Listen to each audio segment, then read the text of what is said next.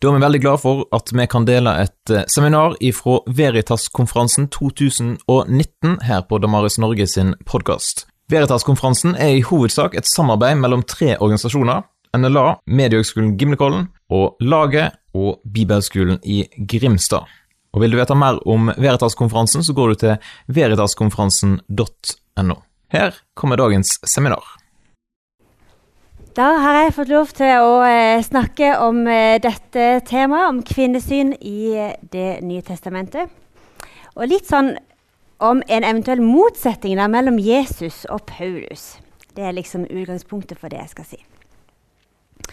Og jeg heter Katrine Tallaksen Skjærdal og er prest i Høvåg og Lillesand.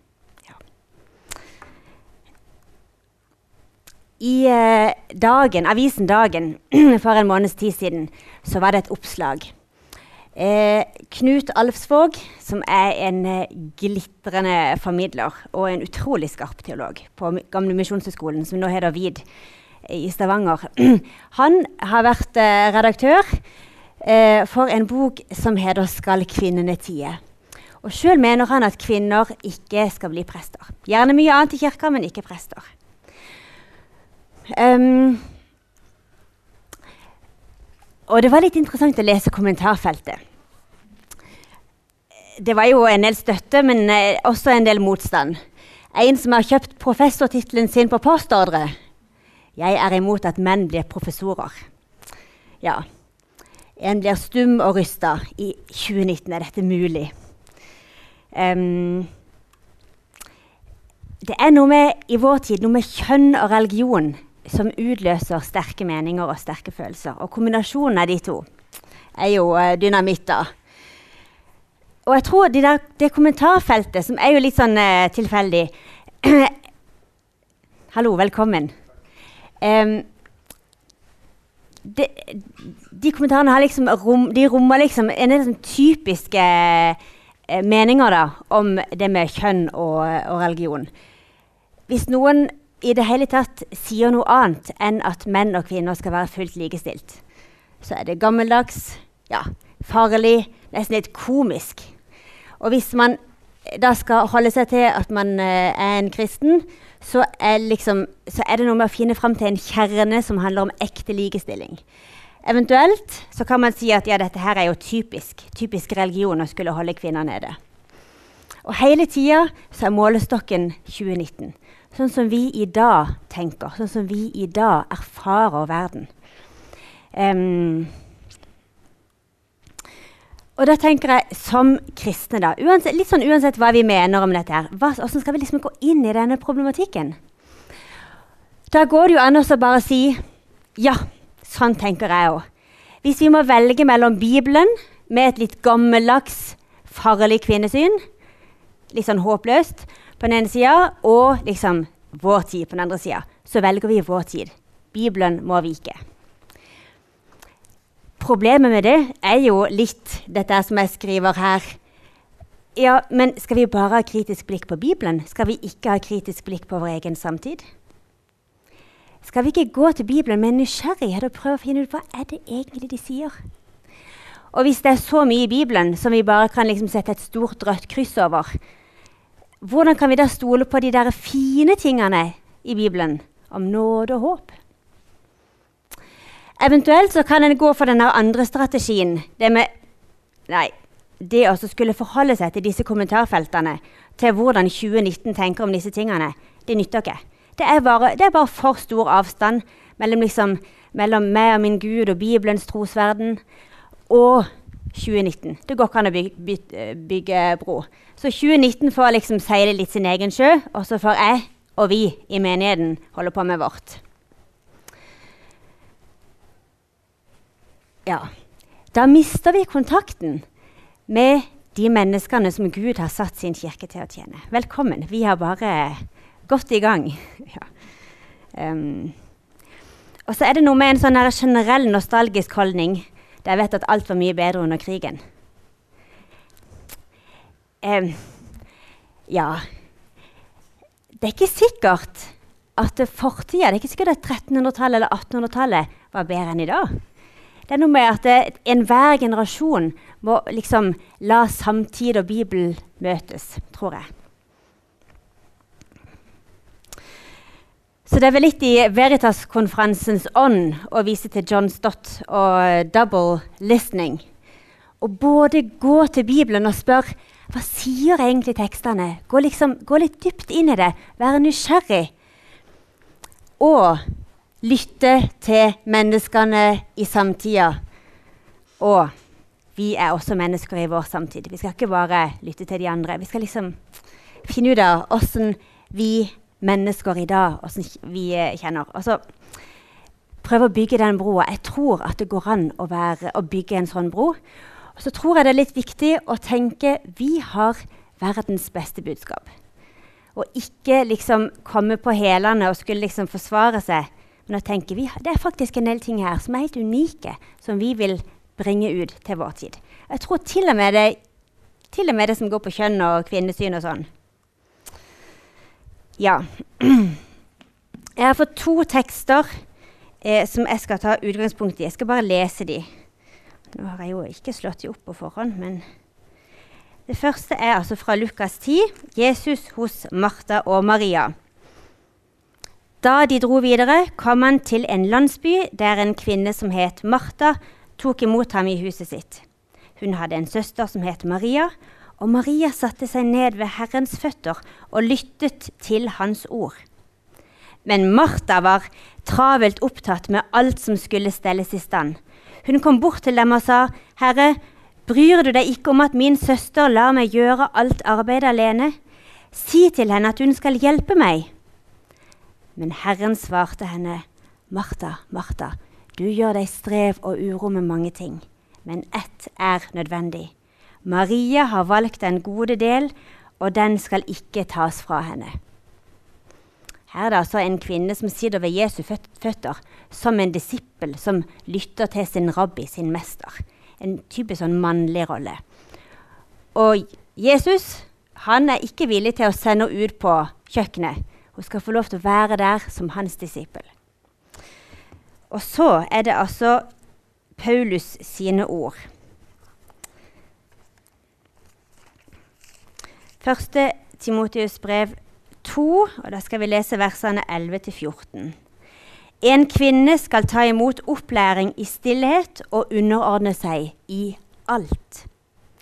Jeg tillater ikke en kvinne å undervise eller bestemme over mannen.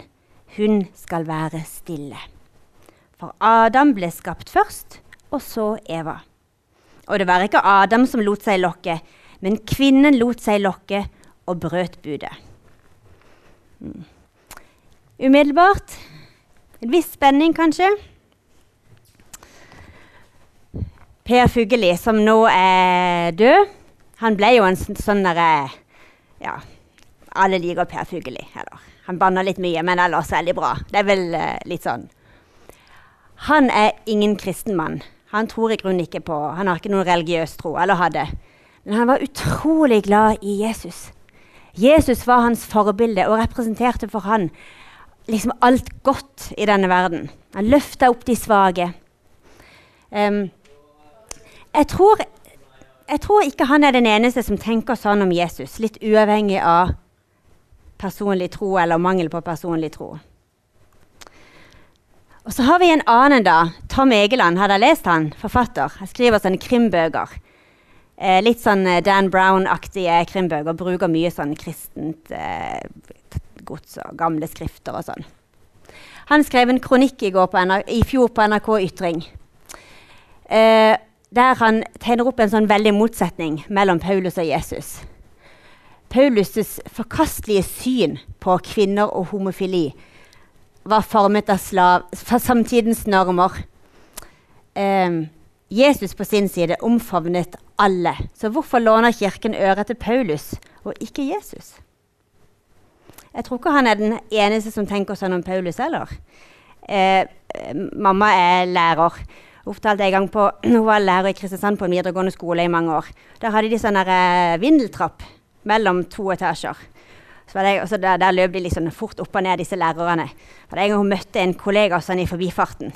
Så sa denne kollegaen bare til henne sånn, akkurat da de, idet de møttes 'Å, jeg er så sinna på Paulus.' Var det et eller annet hun hadde lest da? Så det er litt lett å bli sinna på Paulus. Ja. Mm. Eh, vi skal gå litt inn i sånne konkrete ting og fortellinger knytta til Jesus og Paulus. Um, og vi skal begynne med Jesus. Noe av det som er slående i evangeliene, det er jo hvordan Jesus møter mennesker. Og derunder også hvordan han møter kvinner. Um, nå forutsetter jeg litt at dere kan noen bibelfortellinger. Og så går det jo an å få disse her på eh, sikkert på mail etterpå, sånn at hvis noen vil slå opp og, og, sånn, og lese, så går jo det an. Hvis jeg skal begynne å fortelle alle fortellingene, så, det, så, alle, så sprenger en alle rammer. Men det er altså flere kvinner her som, som, får sånne personlige møter med Jesus, og som fører lange samtaler med Jesus om langt inn i de store åndelige, teologiske temaene. Og som da for de har veldig sånn personlige konsekvenser. Um, og jeg leste Jeg vet ikke om dere kjenner Charlotte Rørt. Hun, kom i, hun har just kommet med bok nummer to. Uh, hun kom med bok nummer én i 2015. For hun, hun, en, hun er dansk journalist.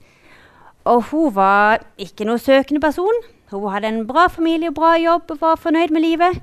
Og så var hun i et kapell i Spania og satt der og hadde ingen forventning om at noe skulle skje. Og så bare møter hun Jesus.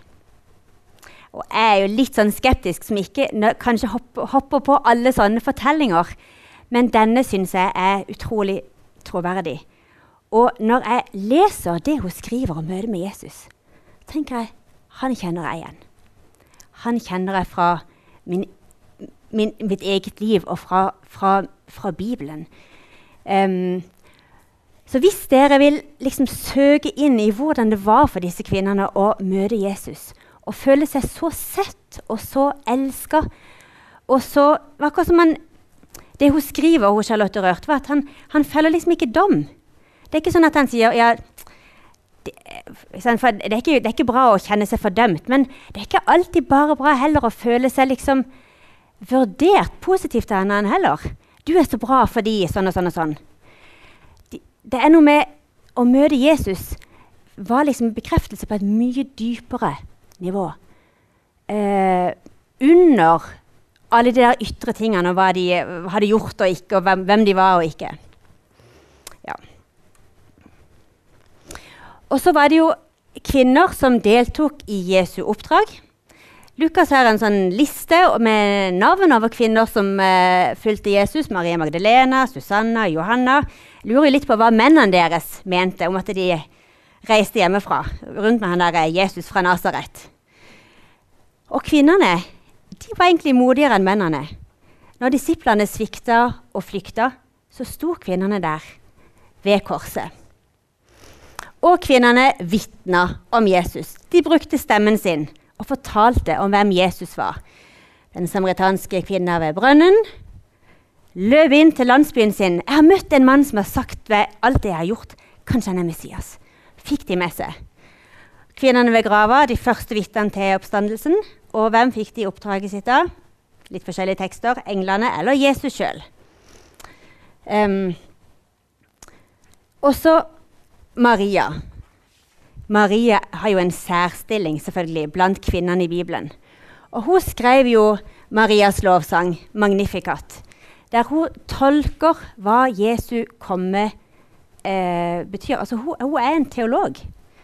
Og hennes lovsang, hennes tekst, er en av de mest brukte bibeltekstene i kirka til alle tider.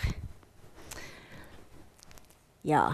Første, det første mennesket som fylt av Den hellige ånd, sier liksom høyt hvem Jesus er, det er Marias slektning Elisabeth.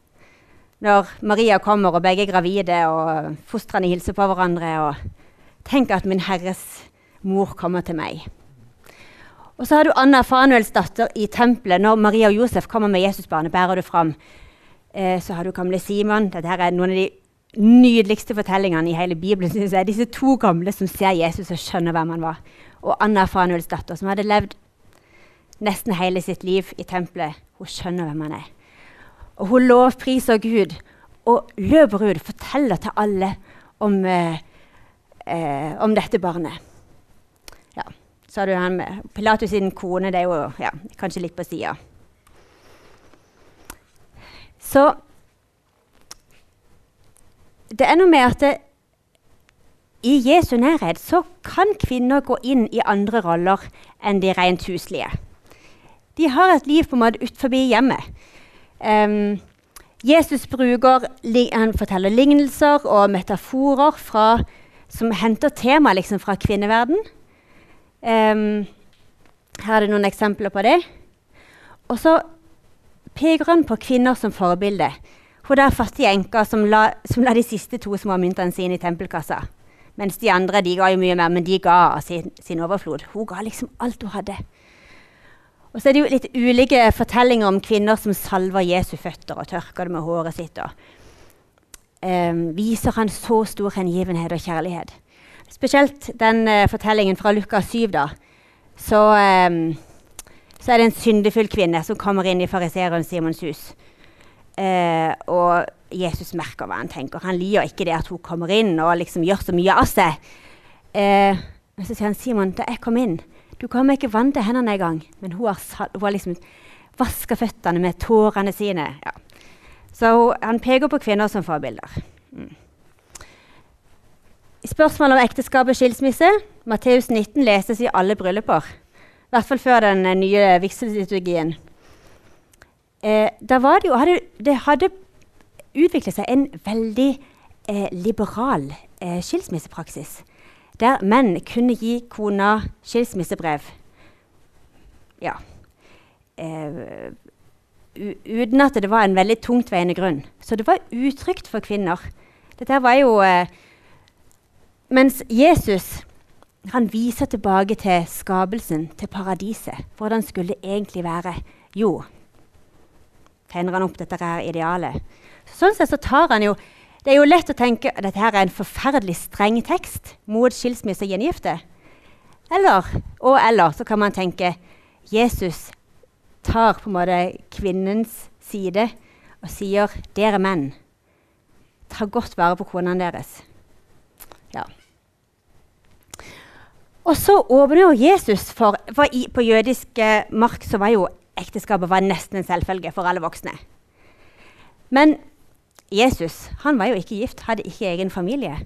Og han har noen sånne formuleringer som, som på en måte bryter rammer for familien. At det er liksom andre, eh, andre um, fellesskap som er enda viktigere. Og det er jo litt sånn harde ord noen ganger. Når ja, din mor og dine brødre er her og spør etter deg. Ja, hvem er min mor og mine brødre? Min mor og mine søsken det er de som hører Guds ord og gjør etter det. Litt sånn rundt Jesus så dannet seg litt sånn, litt sånn nye måter å være fellesskap på. Um, oikos og polis er jo sånne veldig sånn um, Det er jo greske ord. Hjem og by. Det var liksom de to arenaene. Sant? Oikos, hjemme, det var liksom kvinnens arena. Polis, byen, det var liksom mannens arena. Men Jesusfellesskapet, hva er det, liksom? Det, det skjer noe nytt, sånn rent sånn sosiologisk, rundt uh, Jesus. Samtidig Jesus valgte ut tolv mannlige eh, disipler. De tolv var menn alle sammen.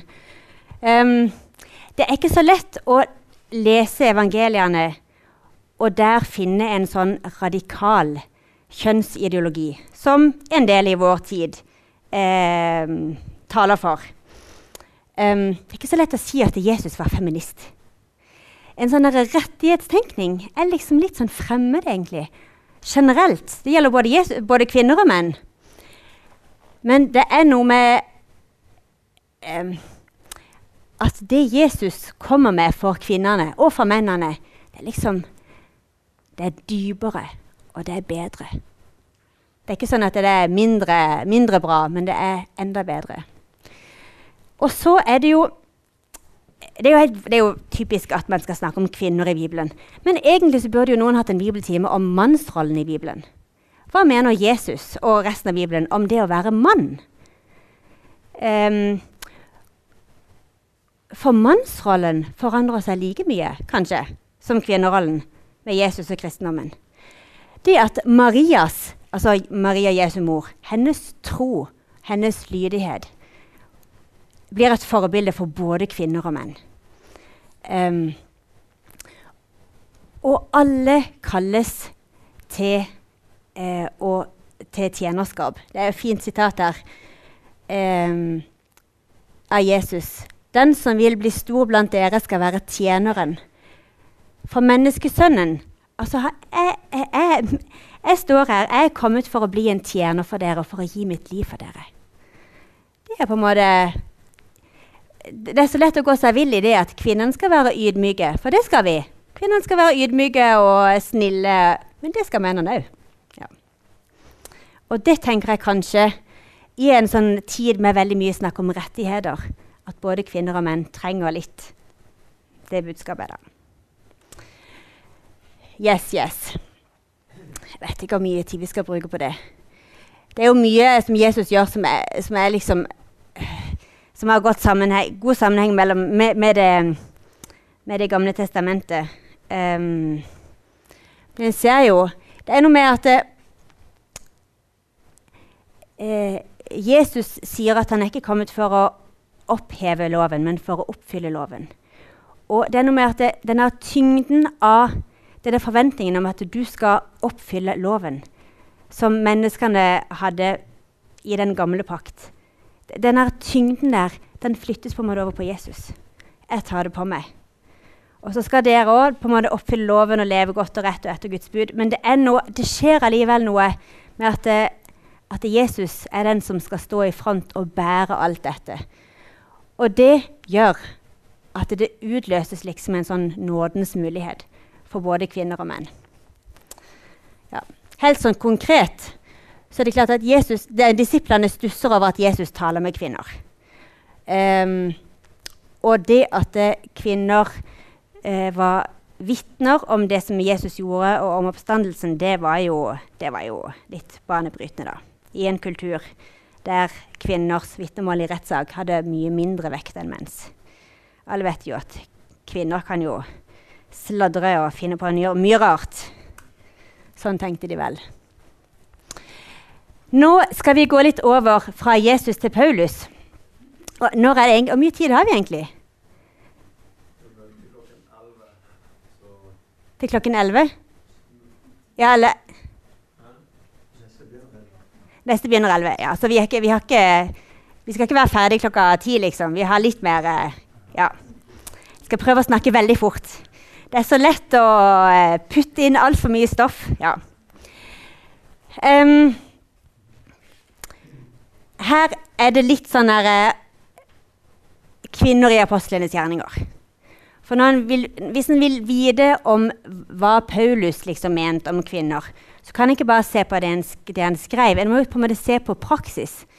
Og jeg er velkommen. Jeg er forferdelig glad i apostlenes gjerninger. Det er en helt eh, blomstrende nydelig bok som, eh, som, jeg har lest mye fra jeg var barn. Og her, Det begynner jo på, på, når Peter står på pinsedag, og ånden har kommet, og vind og ildtunger, og han skal liksom stå fram som en leder og forklare hva som, hva som har skjedd. Så bruker han et sitat fra profeten Joel for å forklare det som har skjedd. Og Der står det jo at Herren har sagt i gammeltider at deres sønner og døtre skal profetere. Selv over slaver og slavekvinner vil jeg i de dager øse ut min ånd. Så det er noe med en sånn ja, det er jo en religiøs myndiggjøring av kvinner, kan en si. Stadig flere trodde på Herren. Da var det masse kvinner òg. Vil si, de, gikk, de tok et sånn aktivt trosvalg sjøl. Du hadde Dorcas Tabita. Hun var jo mer en sånn eh, sydame, mer enn en forkynner, kanskje. Og sånn omsorgsperson, veldig sånn diakonal. Men hun ble kalt for en kvinnelig disippel, så det er jo en fin tittel å få. Og så møter en ei blant flere kvinner som er vert for husmenigheter. Og det er mora til Johannes Markus. Lydia fra Tyatira hun blir òg, virker det som, litt sånn vertskap for en husmenighet. Og her må en jo tenke seg, en Altså hvis, hvis, du får en forsamling hjem til deg så er det noe med Det er annerledes enn å møtes på et offentlig sted i et kirkehus. Um, det hadde jo åpenbart konsekvenser for hvordan det kristne fellesskapet var. Det at man møttes i et hjem, til og med i en kvinnes hjem. Um, litt uhøflig å forvente at vertinnen skal sitte i en krok og ikke få lov til å åpne munnen, kanskje, for å si det litt sånn plumpt. Lydia fra Tyatira er jo en spennende skikkelse. Både i Filippi Hun handler med purpurtøyer. Det står ikke at hun var enke, men det er jo nærliggende å tro, for hun er jo leder for sitt hus. Og det var det vel gjerne enker som var. Eh, en veldig fin fortelling, syns jeg, om uh, Lydia. Så har du Priska og Akvilas, et ektepar, som først er i Korint og deretter i til Efesos. Um, og de var teltmagere av fag. De jobba sammen. Um, og Paulus jobba sammen med dem, for han var jo òg teltmager. Det er òg sånn uh, yrkes, uh, yrkeskvinne, da. Uh, som Paulus senere omtaler som mine medarbeidere. Uten å skille mellom den ene og den andre. Uh, det, så kommer det en person på banen som heter Apollos, som var litt sånn coming star. Han hadde store talegaver, var veldig karismatisk. Men teologien var kanskje ikke helt på plass. Så Priska og Akvilas tar seg av han og gir han grundigere kjennskap til Guds vei. Så de underviser denne her eh, predikanten.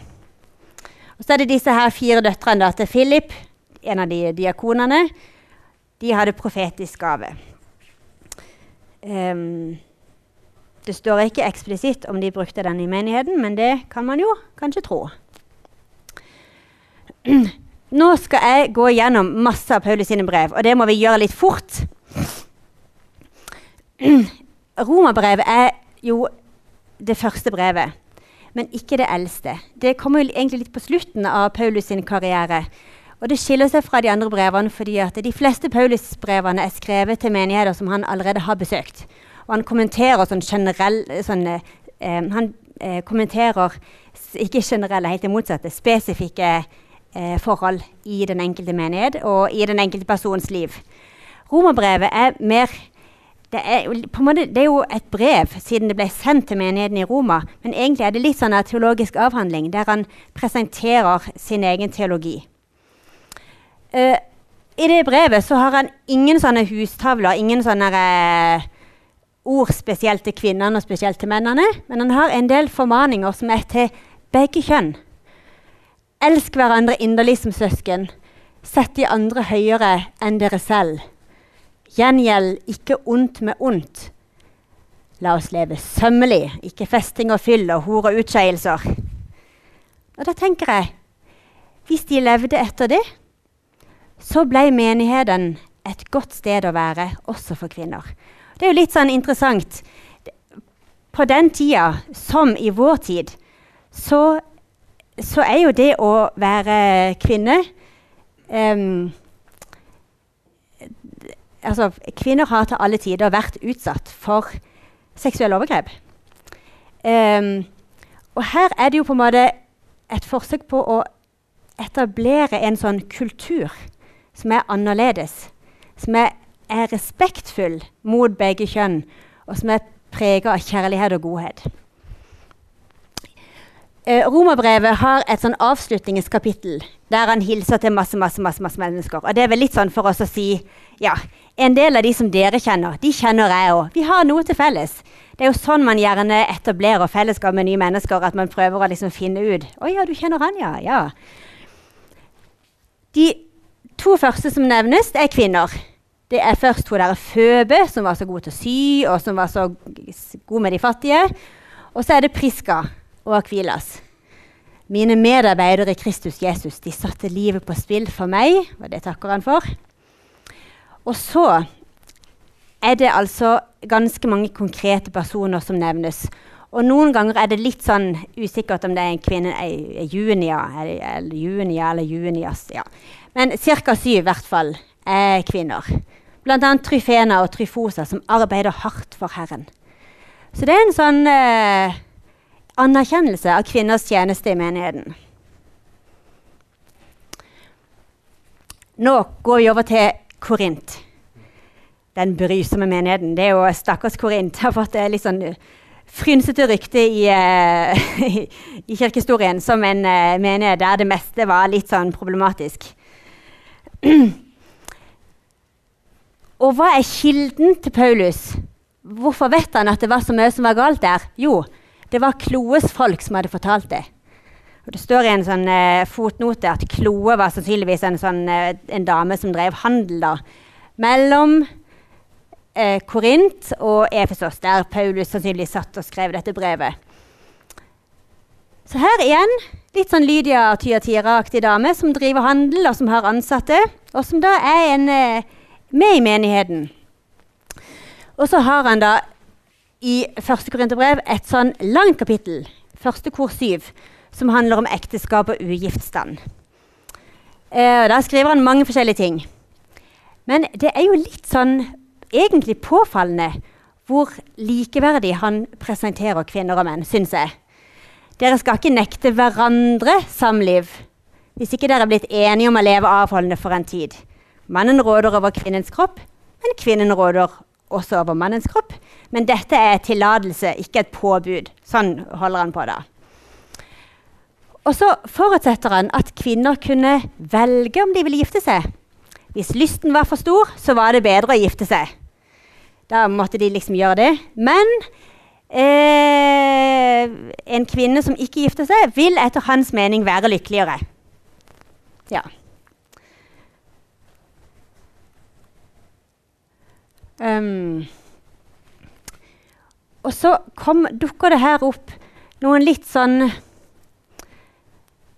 um, Litt sånn overordna Eller for, i, i alle sånne konkrete anvisninger til hvordan det skal være mellom kvinne og mann, så, så, er det jo alltid viktig å være nysgjerrig på hvorfor skriver de det de skriver. Hva er begrunnelsen? Og det kan være mange forskjellige begrunnelser. Men her så skriver han det at enhver skal forbli der han var da han ble kalt, og være der for Gud. F.eks. Hvis, eh, hvis du var slave da du ble en kristen. Ja, OK, da er det sånn. Hvis du vil, kan, kan, bli fri, så er det fint. Men uh, er du slave, ja vel, ikke la det bekymre deg. Det er noe med at han forutsetter at de menneskene han skriver til, har en slags sånn der, uh, indre frihet og myndighet og litt sånn som er uavhengig av de ytre formene. Her gjelder det slaver, men jeg tenker også det gjelder, det gjelder kvinner som lever i, i ekteskap, og eh, barn og, og eh, mennesker som eh, tilhører liksom, eh, de lavere standene i samfunnet. Altså, uansett hvor du er. Du er på en måte For Gud er vi alle like, og du skal ikke bekymre deg over alle de der ytre tingene. Ja. Ja.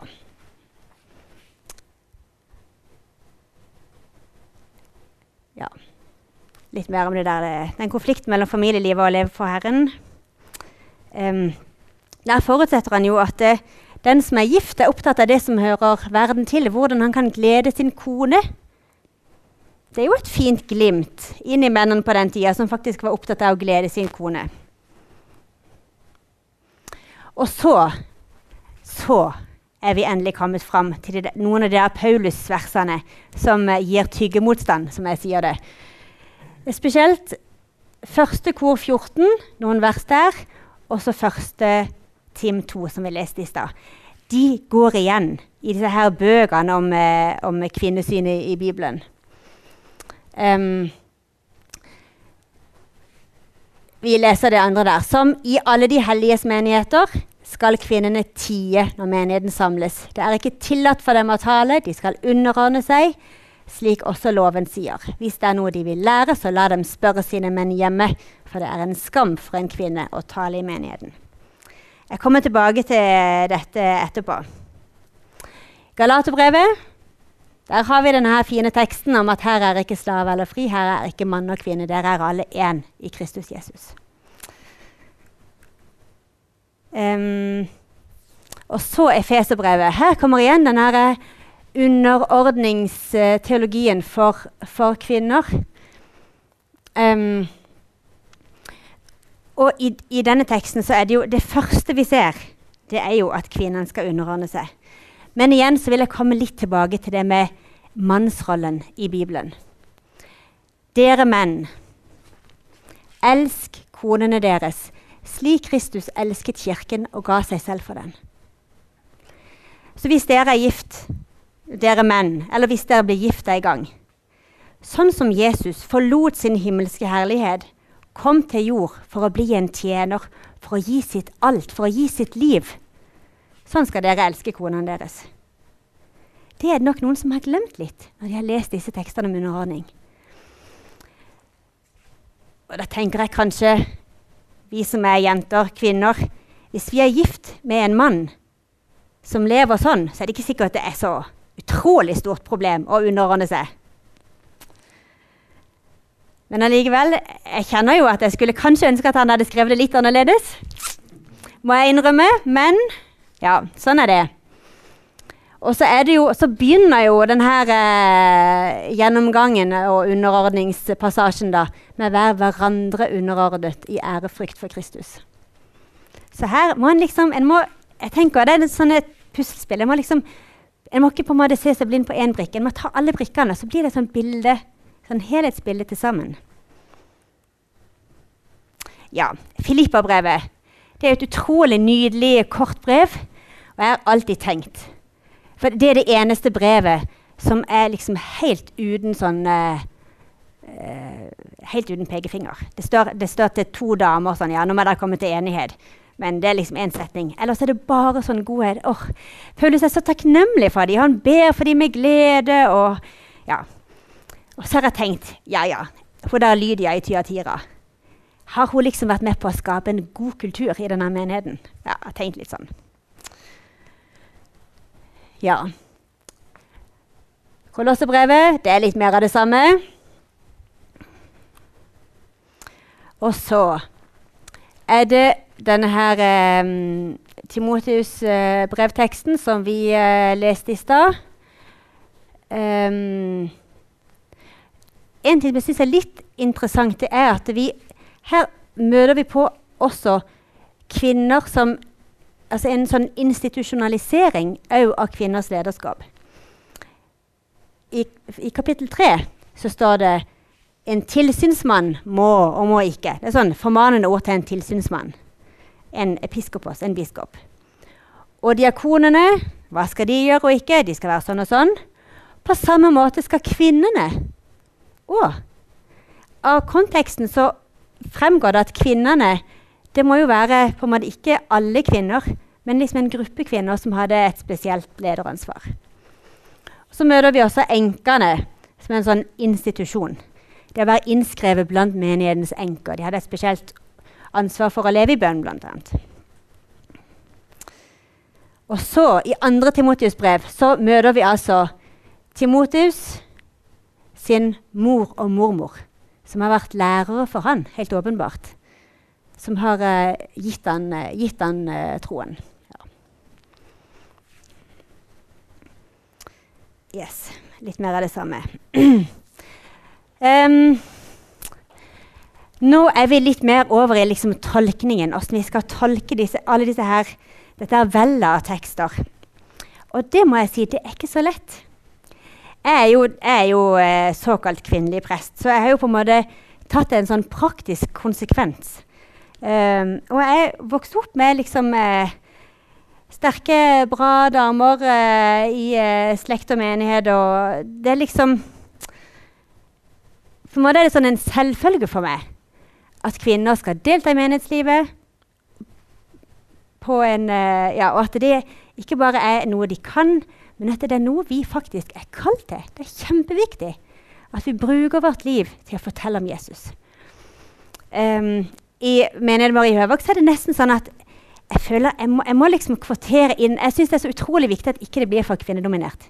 Av og til så er det Kristi som er organist, så er det Kjellfrid som er kirketjener, og så er det gjerne Helga som er klokker. Eh, og så Gunhild som er trosopplærer. Og da kjenner jeg Vi må ikke gi ungdommene våre og ungene våre Vi må ikke gi det sånn bilde at menighet er bare for damer. Så jeg føler nesten litt sånn motsatt problem. At det er kjempeviktig at, at både gutter og jenter har gode forbilder. Ja. Men når vi går inn i disse tekstene, da, eh, så må jeg si at, ja, jeg må da altså si at jeg har liksom Jeg kjenner fortsatt at det river litt. Og det tenker jeg kanskje ikke det er så dumt at, dumt at vi av og til lar de der motsetningene, de vanskelige tingene, at vi lar de stå litt, uten at vi bare liksom setter et kryss over de eller dekker over. Ja. Men et spørsmål er jo det med kvinners plass i familie og menighet. Er det et ordningsspørsmål, eller er det et bekjennelsesspørsmål? Er det noe som er så knytta til selve teologien at det er kjempealvorlig hvis vi trår feil? Eller er det litt mer sånn at det, at det, det med nåden og håp og hvem Jesus er, og sånn, det er liksom tross alt større, viktigere spørsmål. Og akkurat åssen vi ordner oss, liksom praktisk og, og sånn, det er litt sånn mindre viktige spørsmål. Og her vil jo forskjellige teologer gi ulike svar. Og jeg har, eh, jeg har, jeg har lest litt i disse her, eh, to Den har jeg lest helt. Der ser jo, Dette er en sånn bok fra jeg vet ikke, Det er sånn eh, kvinnepressspørsmålet på eh, 60-70-tallet. Der ser jo layouten at den ikke kom ut i fjor. Eh, kvinner i Bibelen, i Kirken, i misjonen den er mye mer spennende enn den ser ut for. Liksom, hvis man ser på forsida. Der er liksom Hvis noen vil dykke dypt ned i det der, så er det faktisk en ganske bra bok. Det fins sikkert andre òg. Um, og så er det denne nye gule da, som er kommet, som jo er veldig sånn tydelig uh, mot kvinners prestetjeneste. Men ikke mot kvinner, men um, Ja, hvilken plass i teologien har liksom det, disse spørsmålene. Og katolsk teologi er jo helt tydelig. Jo, altså Når det gjelder presteembetet, så gis jo det en veldig sånn tydelig teologisk eh, eh, forankring. Jesus valgte ut tolv apostler. Eh, og da er liksom det, dagens prester som er kun menn i den katolske kirke, det er jo en sånn forlengelse av det. Og Kristus var mann. ja. Og så er det noe med synet på hva en prest er. Det er i katolsk teologi tydelig forskjell på, eh, på lekfolket og prestene. Ordinasjonen er et sakrament i den katolske kirke. En prest som, altså, Presteordinasjonen gjør noe med selve karakteren til personen. Eh, så det er en annen måte enn i protestantisk teologi å tenke om hva en prest er. Um, det meste av Luthers teologi har jo òg vært mot kvinnelige prester. um, men samtidig så er jo luthersk teologi mer um, Hva skal jeg si Mer liksom prosaisk og praktisk. Confessio Augustana er en del av Den norske kirkes bekjennelsesgrunnlag. Um, Luther skrev jo veldig mye. Og det er ikke sånn at alt Luther skrev, det er vi bundet av hvis vi er lutheranere. Det er ikke sikkert alle vi er lutheranere, da. Um, men det er liksom bitte litt i hele den store produksjonen som er bekjennelsesskrifter. Confessio Augustana er ikke skrevet engang av Luther, men den er jo veldig prega av Luthers teologi. For at vi skal komme til denne tro, er det innstiftet en tjeneste med å lære evangeliet og meddele sakramentene. Hvorfor, hvorfor, er det noen prester og andre som har en spesiell oppgave i kirka? Jo, for at mennesker skal komme til tro. Det er en sånn funksjonell begrunnelse for prestetjenesten. Og så er det altså etter Luthers død så ble det en sånn strid blant, uh, han, ble, blant de evangeliske kristne om adiafora. Altså Tenk dere tre kategorier. Det er liksom de tingene som er påbudt, de tingene som er forbudt, og så de tingene i midten. Ja. Så da er det altså en Mathias Flasius, som ikke egentlig har noe forhold til Jeg vet nesten ikke hvem han er. Men han var da mot kvinners prestetjeneste. Men han plasserte det litt sånn i midten, da. At det handla om sømmelighet. For han var det jo åpenbart at det var ikke sømmelig at kvinner skulle være prester. Men han, han forlot liksom den der dype teologiske begrunnelsen for ja. Og her i Norge så har vi bl.a. Ludvig Hope, som er en, sånn, en, av de store ideologene i Misjonssambandet. Som hadde en veldig sånn pragmatisk eh, kirkelære. Hva er kirka? Jo, det er et stillas. Det er liksom ikke noe i seg sjøl. Det er jo veldig forskjellig fra katolsk måte å tenke på tenkningen. Det er liksom Vi må velge de ordningene som er best ut fra at vi skal nå mennesker. Vi skal nå verden med evangeliet. Ja. ja dette her er jo eh, I den boka, den grønne boka så er det jo en sånn uh, artikkel om, om, skapelsen. For det er klart, når en skal snakke om kvinner og menn, så er, havner en jo fort òg på skapelsen. Hva er Guds gode skaperordning? Og hun da eh, er eh, veldig, eh, veldig på at det er, ingen, det er, ingenting i selve skapelsesfortellingene i første Mosebok som sier noe om at kvinner skal være underordna. Hun er skapt av ikke av hodet eller av føttene til mannen, men av et eh, ribbein for at hun skal gå ved hans side. Um, og hun sier at det, denne underordningen og nedverdigende stillinger som kvinner har opplevd gjennom tidene, det, det, kommer ikke fra skapelsen, men det kommer fra, liksom, fra syndefallet og syndefallets konsekvenser. Yes. Kan vi òg tenke litt på sjangeren formaning da, i Bibelen. Veldig mange av Paulus sine, eller alle Paulus sine brev med unntak av romerbrevet, er jo skrevet til konkrete mennesker, til konkrete menigheter. Og det skaper en sånn ekstra utfordring. Jeg har et bibelsyn som gjør at jeg tar Bibelen veldig på alvor. Um, det er liksom mitt utgangspunkt. At det, det, er, denne boka her, det er liksom uh, Det er boka, for å si det sånn. Um, men jeg må jo jeg må jobbe på en teologisk med ulike sjangre i den boka. Um, og prøve Og i de der konkrete formaningene så må man, må en tenke seg man hele tiden, Er det noe her som er knytta til historiske forhold som ikke vi er bundet av? Hva er, liksom, hva er kjernen i denne formaningen, som kan også være til oss? Og Paulus han var jo han var jøde for jøder og greker for grekere. Det var liksom litt hans strategi. Han var veldig opptatt av at han var veldig fleksibel på mange ting for å nå mennesker med evangeliet. Kan du spørre kan det brukes som kvinne- og mannsroller i vår tid?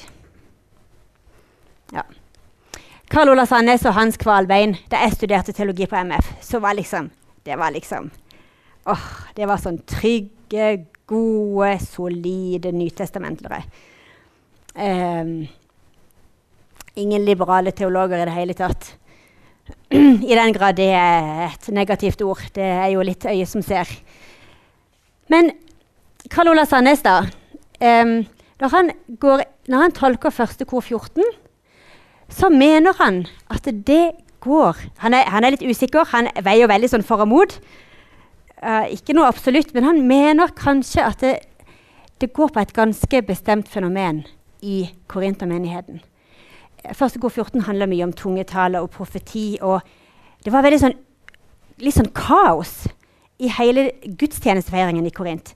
Når de skulle ha nadvær, så hadde folk med seg, alle hadde med seg mat. Og så satt de, og, satt de og spiste hver sin niste og ville ikke dele, og noen var sultne. og veldig sånn, og det var, Folk snakka i munnen på hverandre. og ja, Litt sånn kaos og dårlige, dårlig forhold i uh, gudstjenestefeiringen. da. Og det, det, er klart Hvis en mann reiste opp og, og profeterte, og så var kona uenig og mente at dette her var jo ikke fra Gud, så kanskje var det litt sånn eh, ja, litt uheldig for ekteskapet, da. Så han argumenterer litt sånn. Eh, og han mener, når det gjelder første Tim 2, så mener han dette her, det der læreforbudet, det går ikke på konkret eh, læreembete, men det går på undervisning sånn generelt. Og da syns han det er vanskelig å si at det, altså for Paulus opererte jo ikke ellers med et sånn generelt læreforbud eller undervisningsforbud for kvinner, jf. f.eks. Priska, som ble en lærer for Akvilas. Så han mener det er situasjonsbetinga. Eh, Hans Kvalbein, denne andre kolonnen, han mener at skillet mellom embete og lekfolk er ubibelsk. Så han tar tydelig stilling mot den katolske måte, teologien rundt presteembetet. Um, det er jo knytta til, til, til første Tim 2. Så han mener òg at det å si at det første Tim 2 sier at, det, at kvinner kan være søndagsskolelærere og misjonærer og trosopplærere og skrive i avisen, men de kan ikke være prester og biskoper. Det mener han er feil. Ja ja. ja. I kirkehistorien så har det jo ofte vært sånn at menn har hatt formelle posisjoner. Så har det vært veldig mange kvinner som har hatt uformelle Som har liksom steget fram som sånne eh, kraftfulle åndelige skikkelser. I lista til Den katolske kirke over kirkelærere så er det noen kvinner. Tre av de er fra, fra middelalderen. Utrolig tøffe kvinner. Her er jo et, det er jo litt morsomt for meg siden jeg heter Katrine. Så er jo det Katrine Asiena. Hun er jo en av disse kirkelærerne. Hun bærer liksom hele kirkeskipet på, på, sine skuldre. Og det var en konfliktfylt tid i kirka på hennes tid, 1300-tallet. Det var to konkurrerende paver. Og hun skrev, sånne, hun skrev brev. Hun støtta den ene, og hun kjefta på den andre. Um, og hun var en forkynner. Samla hundrevis av folk. Og, uh, og sjelesørgeren hennes ble nesten hennes disippel. Ja, ja, tøff dame. Så, sånne damer har det jo vært på en måte til alle tider. Ja. Og så er det jo På 1800-tallet så skjer det jo utrolig mye i vårt eget land. Eh, der kvinnene eh, i misjonsbevegelsen må liksom på en måte leide seg fram til hva er min rolle. Gustava Kielland, prestefrue i, eh, i, Lyngdal, står jo i en særstilling der. Og hun, jo, hun, og flere var jo litt nøye på at de skulle underordne seg mennene sine, men de fikk jo en utrolig stor uh, betydning. Um, etter at uh, Gustava stifta sin misjonsforening i Lyngdal, så var det 3500 foreninger for NMS i Norge. Det er et helt vanvittig tall. De sto for to tredjedeler av inntektene til Misjonsselskapet. Så det var en formidabel kvinnebevegelse. Um. Generelt har det jo vært sånn, selv om ikke kvinner har hatt formelle posisjoner, så har det ofte vært sånn i tider med vekkelse og fornyelse. Der har kvinner kommet fram. Hans Nilsen Hauge brukte kvinnelige forkynnere. Pinsevekkelsen i Jesu, ja, det er feilskrevet, det skal være Ness. Susa Street. Der fikk kvinnene oppgaver. Lederoppgaver. Så det var det jeg hadde tenkt å si til dere i dag. Jeg beklager at jeg snakker så lenge. Det er en en feil jeg har, at jeg er litt glad i å prate. Um, men uh, konklusjonen må jo være Det er litt komplisert. uh, det er litt vanskelig å trekke en sånn radikal Altså de som vil finne på en, en radikal kjønnsideologi i Det nye testamentet, de finner det egentlig verken hos Jesus eller Paulus. Men de som vil, uh, men de som vil finne um, gode grunner for å undertrykke kvinner, um, finner det heller ikke i Det nye testamentet. Jeg har en kollega som har vært uh, misjonær i Etiopia. Uh, og han, uh, han syntes det var veldig vanskelig å møte kvinnesynet blant en del av de kristne også i Etiopia. Uh, og det var liksom en sånn saying at en kvinne hadde råderett over tennene sine. Alt annet var det liksom mannen som hadde råderett over. Og jeg tenker det sånne ting um, det, at, det at det er OK å behandle kvinner på en dårlig måte, det er det veldig vanskelig å finne begrunnelse for i Bibelen. Yes. Jeg vet ikke, skal vi, eh, Er det liksom tid for spørsmål og uh, kommentarer, eller er det Det går jo. Et par spørsmål? Ja. ja. Jeg tenkte først og fremst på det hovedtemaet her. Altså, at Paulus skrev det han skrev. Ja. Og det er vanskelig å finne svar. Hvorfor skrev han egentlig? Ja. Sier det situasjonsting? Ja, ja, eller at de sier det. Mm. Liksom. Ja. Det, da eh, vil jo de som eh, De som på en måte vil holde seg litt til at det er situasjonsbetinga. De vil jo de, um, noen vil, vil, holde fram at For det er noen sånne formuleringer som går på at det var eh, det var eh, folk i menigheten som nekta folk å gifte seg, og som, eh, som ville på en måte bryte med hele eh, med, med, alt som heter kristent eh, familieliv, og som nærmest uh, oppildna kvinnene til å liksom bli litt sånn revolusjonære og, og skulle liksom bestemme over mannen og være, bli sånn erstatt istedenfor at det var mennene som skulle være bestemme. Så skulle de bestemme. At det var um, Og det var jo noen typer bevegelser i tida som, som brukte Som hadde liksom kvinnelige gudinner og At det, det kvinnelige var knytta til vranglære. Så noen vil jo bruke det som, et, som en som, Altså tolke det ut fra det. Men de sier jo sjøl, som Karl Olav Sandnes, han sier han er helt sier, ja, er veldig i tvil. det er vanskelig å liksom helt forstå denne teksten. Så, så jeg, jeg, tror det er ikke så lett å bare slå fast at der har vi funnet svaret heller. Mm. Ja. Jeg sitter med dine spørsmål.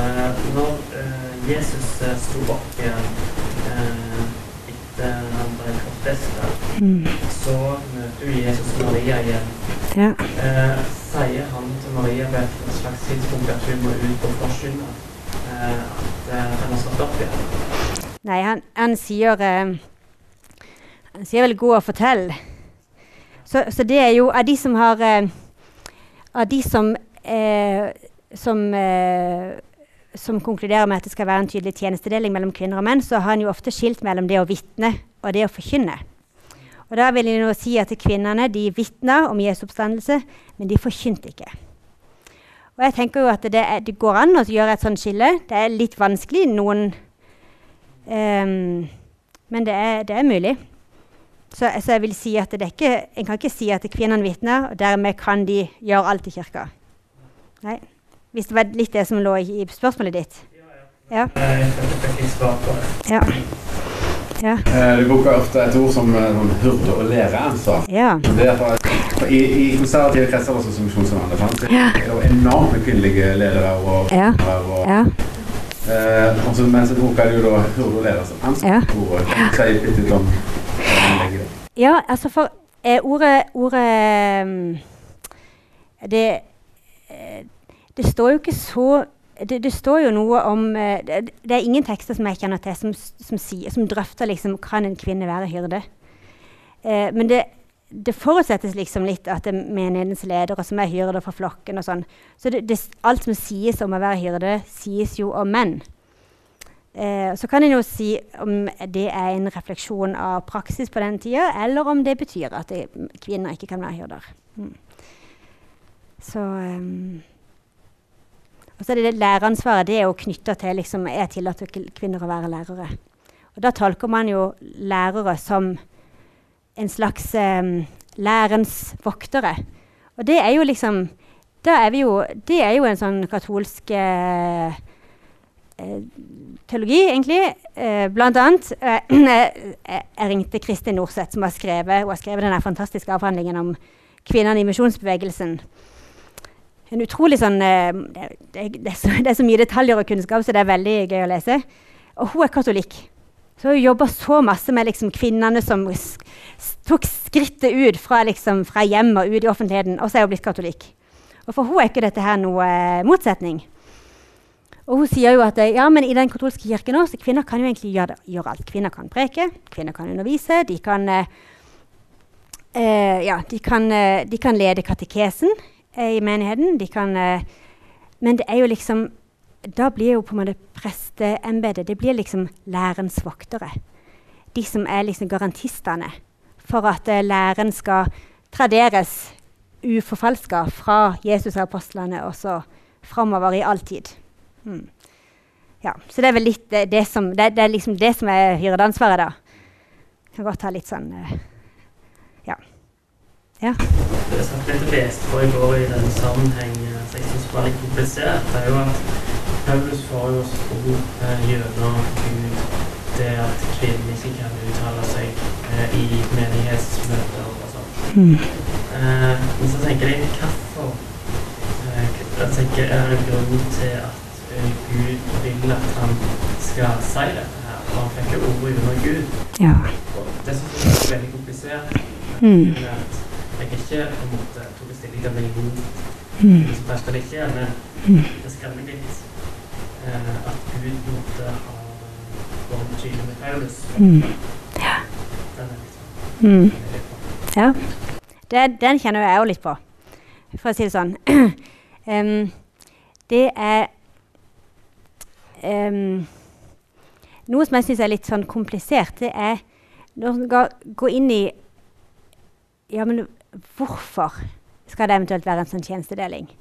Og da en da, det, da havner en fort inn i en beskrivelse av hva som er typisk mannlig og typisk kvinnelig. Og da er det lett å, det lett å trø litt feil. Um, og det er jo en del sånn, spesielt en del sånn menn i kirkehistorien stakkar, som det er lett å sitere på når de skal beskrive liksom, det kvinnelige. Og da er det veldig eh, da, da, Det er liksom kvinner som gjerne De er liksom svake og rives Det er liksom ikke sånn Det er ikke sånn stabilitet i personligheten. Det er litt mer sånn der Ja, altså det, det er klart det mannlige blir jo beskrevet mye mer positivt enn det kvinnelige. Som en På en måte som en kanskje ikke kan kjenne seg igjen i.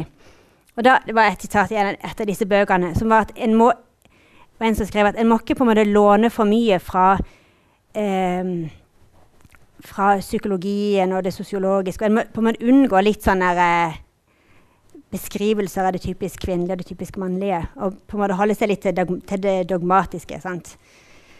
Og så er det litt vanskelig, det òg. For hvis, hvis, hvis det er sånn at kvinner og menn skal ha forskjellige roller i ekteskap, og, altså i familieliv og i menighet Men det har ingenting å gjøre med åssen kvinner og menn er. Kvinner og menn har egentlig akkurat de samme egenskapene. Det er bare av en eller annen totalt mystisk grunn har Gud bestemt at menn skal gjøre det, og kvinner skal gjøre det. Så det er, dette er litt sånn vanskelig, vanskelig felt, da. Um, for det er jo, det er jo åpenbart uh, Ja. Ja. Den, dette snakker om John Stott, at han har jo en sånn klassisk eh, måte å beskrive det Mm. som jeg leser Bibelen på. Mm.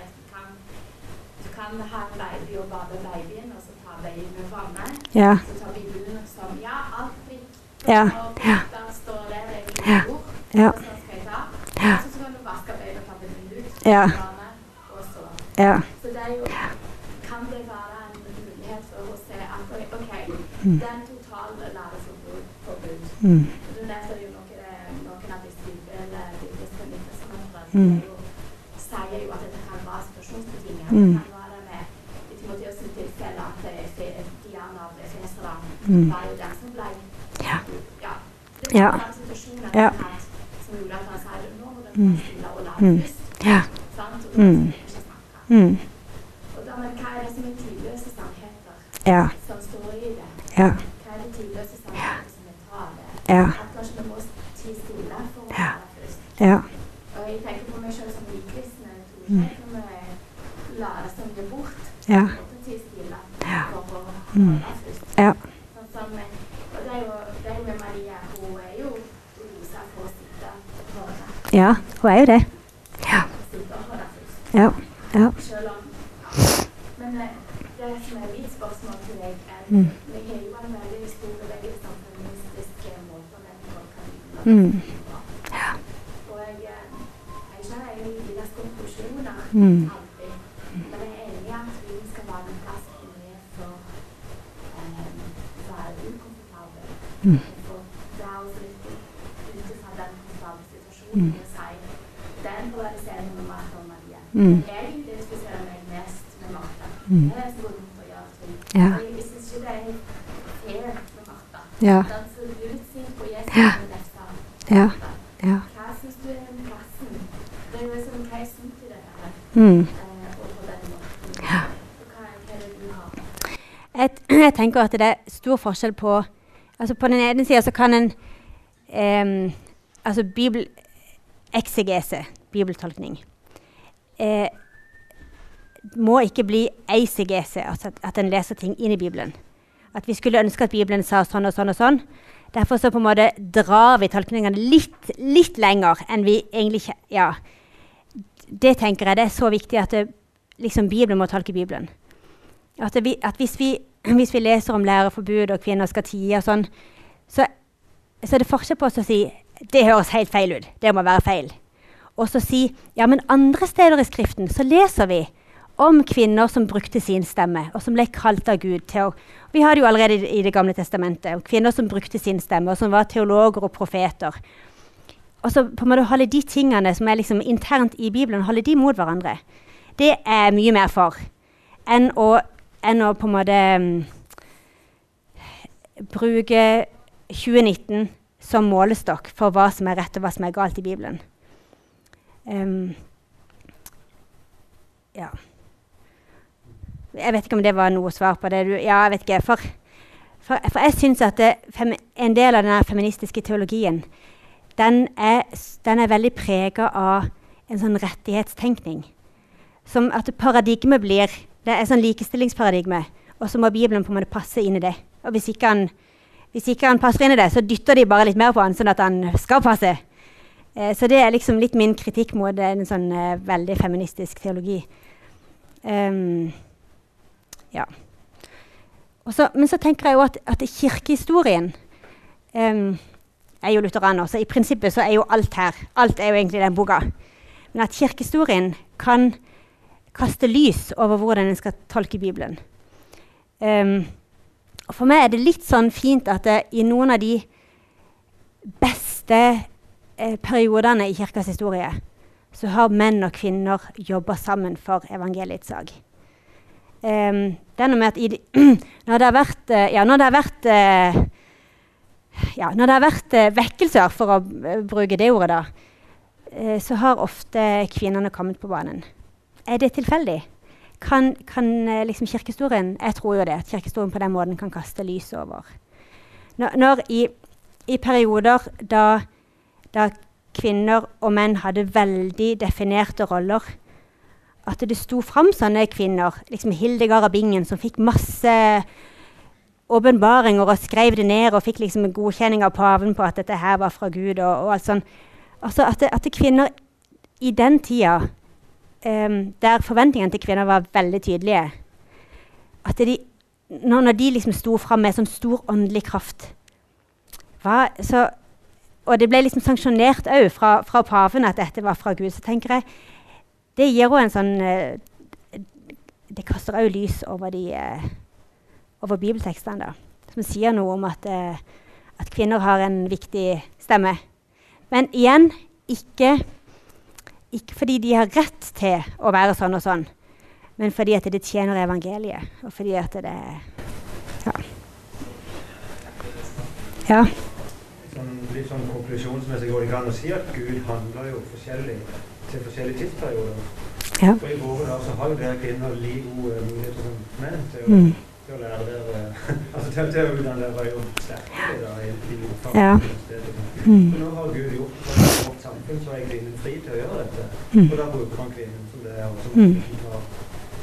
Altså, På Paulus' tid så var det jo en helt annen rolle for kvinner. Det var kanskje noen få som sto fram.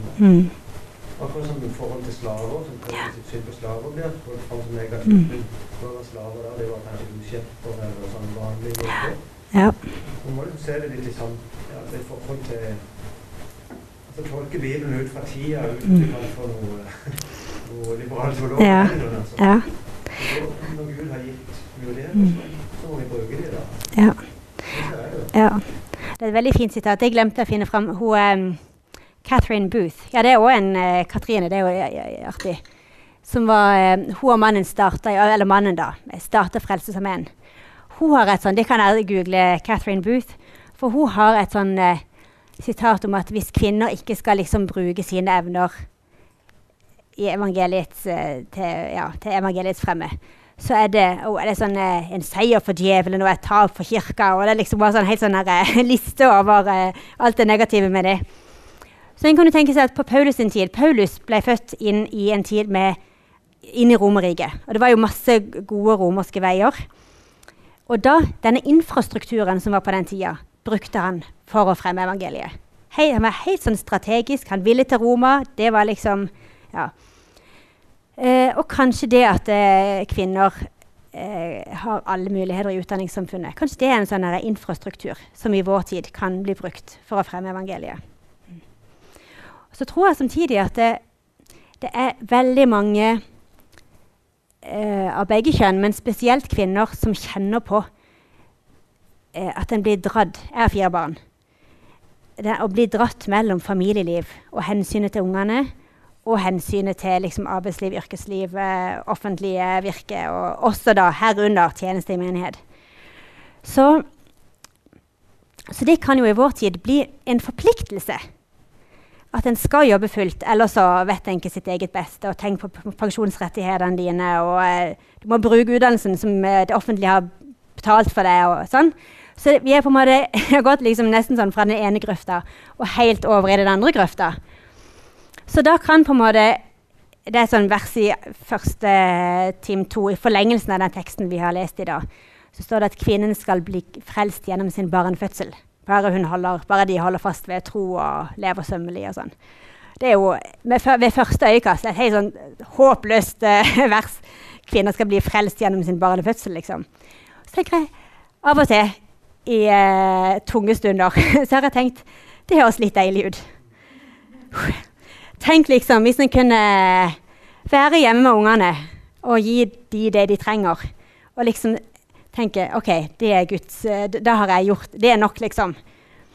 Eh, å slippe det å både skulle være liksom 100% mamma og følge opp ungene, og samtidig gjøre liksom alt det mennene har gjort i kirke og samfunnet.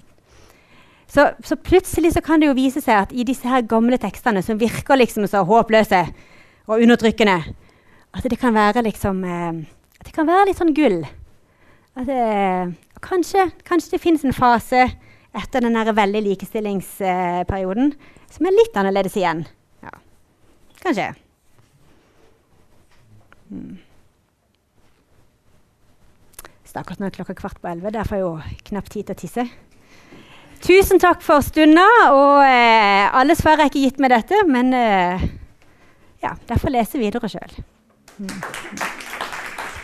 Takk for at du lytter gjennom dette seminaret her.